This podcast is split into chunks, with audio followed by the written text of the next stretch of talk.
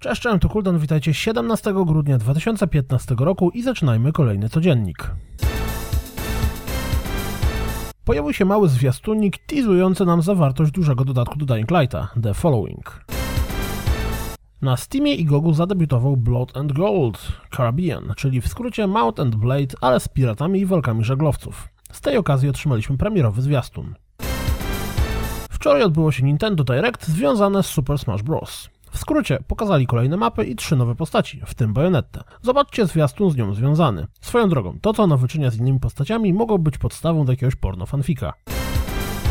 Dziwne czasy są dziwne. Gra Conservation The Tower, która ma być pierwszoosobowym doświadczeniem dla jednego gracza, rozpocznie zbiórkę na Kickstarterze. I z tej właśnie okazji otrzymaliśmy specjalny zwiastun, który w sumie nic nie pokazuje. The Banner Saga pojawi się na PlayStation 4 i Xbox One 12 stycznia 2016 roku.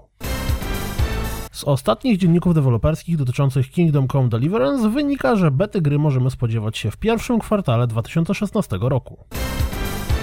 Wczorajsze plotki znalazły potwierdzenie. Nowa gra Hideo Kojimy będzie ekskluzywą na PlayStation 4, a po jakimś czasie pojawi się również na PC, o czym poinformował nas sam Kojima razem z Andrew House'em na specjalnym filmiku. Ciekawostką jest również fakt, że w serwisie medium.com pojawił się Q&A dotyczący współpracy Kojima Productions i Sony, ale z jakiegoś powodu został szybko zdjęty. Naturalnie kopia pojawiła się na Neogafie. Siliconera zebrała informacje dotyczące Final Fantasy VII Remake, wynikające z wywiadu dla Famitsu. Jeśli mocno gracie na PC, to na bank wyczekujecie sequela XCOMa, więc na bank będziecie chcieli sprawdzić wywiad z Jake'em Solomonem dotyczącym gry.